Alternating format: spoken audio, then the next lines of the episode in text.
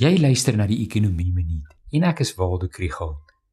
Die graderingsagentskap S&P Global het hierdie week 'n sogenaamde misery indekssyfer bekend gemaak vir Suid-Afrika en ander ontleikende markte.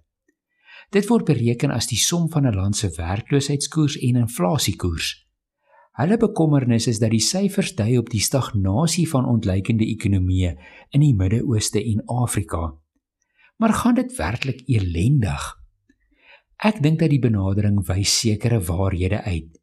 Suid-Afrika se ekonomie is nie besonder mededingend nie en beleggings in infrastruktuur en mensekapitaal behoort baie groter vermenigvuldiger effekte te hê.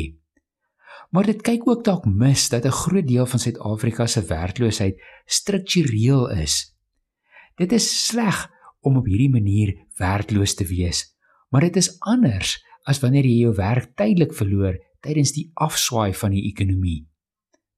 Wanneer mens kyk na die navorsing uit sogenaamde happiness economics, is Suid-Afrika nie veel anders as ander lande nie.